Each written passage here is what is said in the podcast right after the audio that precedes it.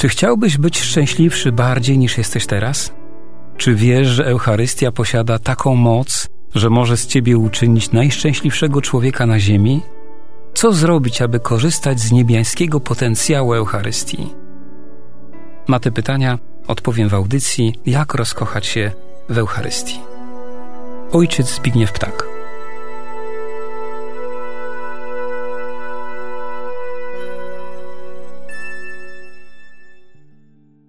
Spotykamy się na łączach w kolejnej części naszych rozważań o wielkości i świętości Przenajświętszej Ofiary Eucharystycznej, o tym, jak rozkochać się we mszy świętej. To wielkość i świętość Eucharystii jest tak niepojęta, że zrodzić się winny w naszych sercach podziw i uwielbienie, zachwyt i zadziwienie. Te wewnętrzne nasze postawy są konieczne, aby nie wpaść w rutynę, i aby były w nas owoce misterium, czyli tajemnicy, w której uczestniczymy. Módlmy się więc jak zawsze ufnym i otwartym sercem. Wszechmogący Boże, Tobie ofiarujemy krew Jezusa Chrystusa, krew wszystkich męczenników, cnoty i zasługi Jezusa, Maryi, Józefa i wszystkich świętych, połączeniu ze wszystkimi mszami świętymi do tej pory sprawowanymi i tymi, które do końca dziejów będą jeszcze sprawowane, w intencji naszej żarliwej miłości do Eucharystii, w intencji naszego głodu Eucharystii i w tej intencji, abyśmy zawsze skutecznie opierali się pokusie zabójczej rutyny. Błogosławię wszystkich, którzy słuchać będą tego spotkania, tych rozważań w imię Ojca i Syna i Ducha Świętego. Ponieważ minął już tydzień od ostatniego rozważania, przypomnę, że nasze rozważania, nasze spotkania o Przenajświętszej ofierze eucharystycznej skoncentrowane są jeszcze na obrzędach wstępnych. Mówiliśmy do tej pory o procesji i śpiewie na wejście, później była mowa o pocałunku ołtarza, o znaku krzyża i o pozdrowieniu. W ostatnim naszym zamyśleniu skupiliśmy się na akcie pokuty – to, co w nim najważniejsze, to uświadomienie sobie naszej grzeszności. Kapłan daje nam ku temu sposobność przez chwilę milczenia. Im głębsza będzie w nas ta świadomość grzeszności, tym więcej zmieści się w nas Bożej łaski. W liturgii każdej mszy świętej kilkanaście razy odwołujemy się do naszej grzeszności. Jest tak dlatego, że stajemy wobec nieskończonej świętości Boga, a w nas jest tylko grzech. Kiedy wewnętrznie wzbudzamy w sobie świadomość grzeszności, wówczas Pan Bóg przeodziewa nas w godową szatę na czas sprawowanej liturgii. Mówiliśmy również o tym, że świadomość grzechu jest dla nas bardzo pomocna w życiu codziennym. Dzisiaj mówić będziemy o hymnie Chwała na wysokości Bogu. Jest to hymn, który nazywamy hymnem anielskim. Pierwsi zaśpiewali go w niewielkiej części aniołowie podczas narodzin Jezusa w Betlejem. Chwała na wysokości Bogu, a na ziemi pokój ludziom dobrej woli. Tak zapisał to ewangelista Łukasz. Jest on również anielski dlatego, że w tym momencie liturgia sprawowana na ziemi łączy się z liturgią w niebie. W tej niebiańskiej liturgii to aniołowie, archaniołowie i święci uwielbiają Boga, a my otrzymujemy łaskę włączenia się w ich uwielbienie. Nauczanie Kościoła. Chwała na wysokości to starochrześcijański i czcigodny hymn, w którym Kościół zgromadzony w Duchu Świętym uwielbia oraz błaga Boga Ojca i Baranka. Tak napisane jest w ogólnym wprowadzeniu do mszału. W dalszym ciągu mowa jest tymi słowami. Hymnu tego nie można zastępować innym tekstem. Rozpoczyna go kapłan albo, zależnie od okoliczności, kantor lub schola. Śpiewają go zaś wszyscy razem, albo lud na przemian ze scholą, albo sama schola. Jeśli się go nie śpiewa, winni go recytować wszyscy razem, albo w sposób naprzemienny z podziałem na dwa chóry. Hymn śpiewa się albo recytuje w niedzielę, poza okresem Adwentu i Wielkiego Postu, a także w uroczystości i święta oraz podczas szczególnie uroczystych celebracji.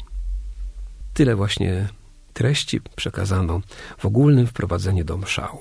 Pamiętamy, że jest jeden subtelny wyjątek. W Polsce w mszach adwentowych, tak zwanych roratnich, śpiewamy glorię, czyli chwała na wysokości Bogu. A teraz kilka słów pogłębienia.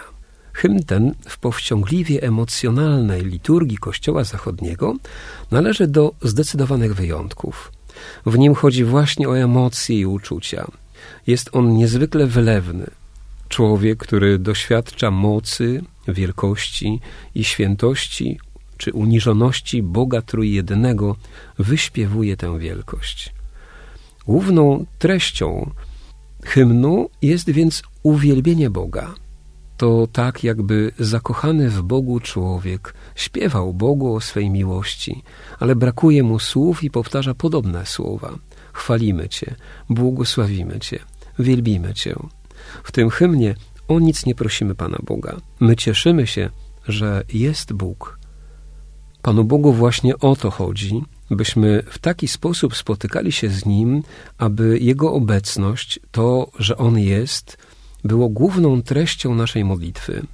Wówczas człowiek pokazuje Panu Bogu, że zależy mu na samym Stwórcy, a nie na darach, które od Niego otrzymujemy. Tak więc tekst ten jest doskonałym uwielbieniem Boga. Nie interesują nas tu prośby i błagania. Nie interesują nas żadne Boże dobrodziejstwa. W hymnie tym interesuje nas tylko chwała Boża. Ta chwała to ekstaza Boga, która stępuje na ziemię i chce porwać człowieka w miłosnym zrywie ku niemu. Tak napisał biskup Świeżawski. Kościół w tym hymnie łączy uwielbienie Trójcy Przenajświętszej, a więc Boga Ojca, Boga Syna i Boga Ducha Świętego, z uwielbieniem, które wyśpiewują Bogu w niebie aniołowie i archaniołowie. Zatem liturgia sprawowana na ziemi łączy się z liturgią sprawowaną w niebie. One się jakby współprzenikają. Mamy więc mistyczną możliwość uczestniczenia w liturgii niebiańskiej. Ona schodzi na nasz poziom, a jednocześnie wywyższa nas do swego niebiańskiego poziomu. Postawa wewnętrzna. Na czym polega nasza postawa wewnętrzna podczas śpiewu hymnu Gloria? Zawsze, kiedy śpiewamy hymn Chwała na wysokości Bogu, warto pamiętać, że we mszy świętej chodzi właśnie o Bożą chwałę. Ona jest tu najistotniejsza, gdyż wszystko, co jest, stało się, aby dokonywało się uwielbienie. To uwielbienie ma miejsce z racji istnienia materii nieożywionej, z racji istnienia świata roślin i świata zwierząt. Ono wpisane jest w ich istnienie. Te dwa światy, ożywiony i nieożywiony, mają w swej naturze owo uwielbienie. One nie potrafią inaczej, jak tylko wielbić Boga. Jak wiemy, z człowiekiem jest nieco inaczej. Pan Bóg pragnie, aby uwielbianie Go wynikało z miłości, naszej miłości do Niego. On nie chce przymusu uwielbiania, lecz wolnej naszej woli. Dlatego zaprasza nas na uwielbienie, które składa mu w przenajświętszej ofierze sam Jezus Chrystus.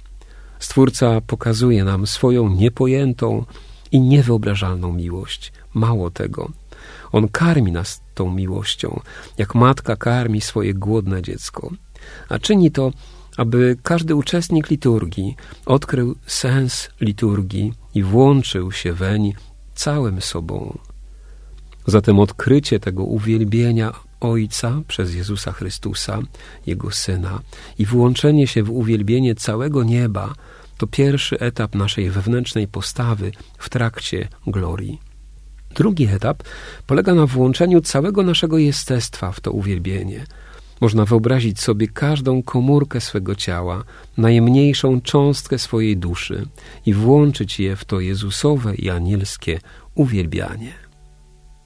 Liturgia wprowadzana w życie. Doskonale już wiemy, że nasz udział w boskiej liturgii nie ogranicza się tylko do świątyni. Podczas mszy świętej włączamy cały świat w liturgię między innymi po to, aby później wnieść ją w świat, czyli w naszą codzienność i w nasze codzienne życie. Jak mszalne uwielbienie Boga można włączyć w nasz codzienny świat – Chodzi o to, by każda nasza modlitwa nie oscylowała na proszeniu Pana, Boga w różnych sprawach, które są dla nas ważne. Modlitwa nie powinna koncentrować się na dziękczynieniu tylko. Każda modlitwa, którą praktykujemy, kończyć się winna również uwielbieniem.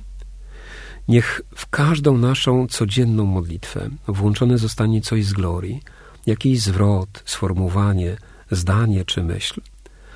warto wypracować w sobie nawyk, aby uwielbianie Boga nie ograniczyło się do samej Eucharystii.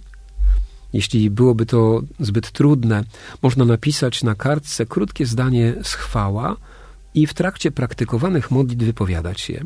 Oczywiście ważne jest, aby czynić to sercem, z przekonaniem, z potrzeby, a nie z przymusu. Wiemy jednak, że w niektórych sytuacjach trzeba się jednak przymusić, gdyż niczego inaczej nie jesteśmy w stanie uczynić. A teraz kilka słów na temat drugiego etapu wprowadzania mszalnego uwielbienia w nasze życie. Polega on na tym, aby w różnych sytuacjach naszej codzienności wypowiadać choć pojedyncze akty uwielbienia.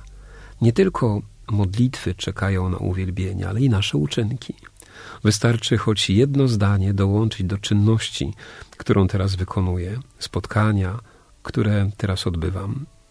Im częściej przypomnę sobie o tym, że tak właśnie warto czynić i zdobędę się na ten błogosławiony trud, angażując w to moją pamięć, wówczas to, co czynię, będzie duchowo miało na sobie jakby pieczęć Bożej miłości. Będzie naznaczone piętnem chwały Bożej. Będzie miało bardzo duże znaczenie w oczach samego Boga. Błogosławię wszystkich w imię Ojca i Syna i Ducha Świętego. Amen.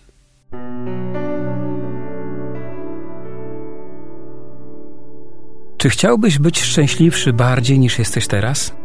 Czy wiesz, że Eucharystia posiada taką moc, że może z ciebie uczynić najszczęśliwszego człowieka na ziemi?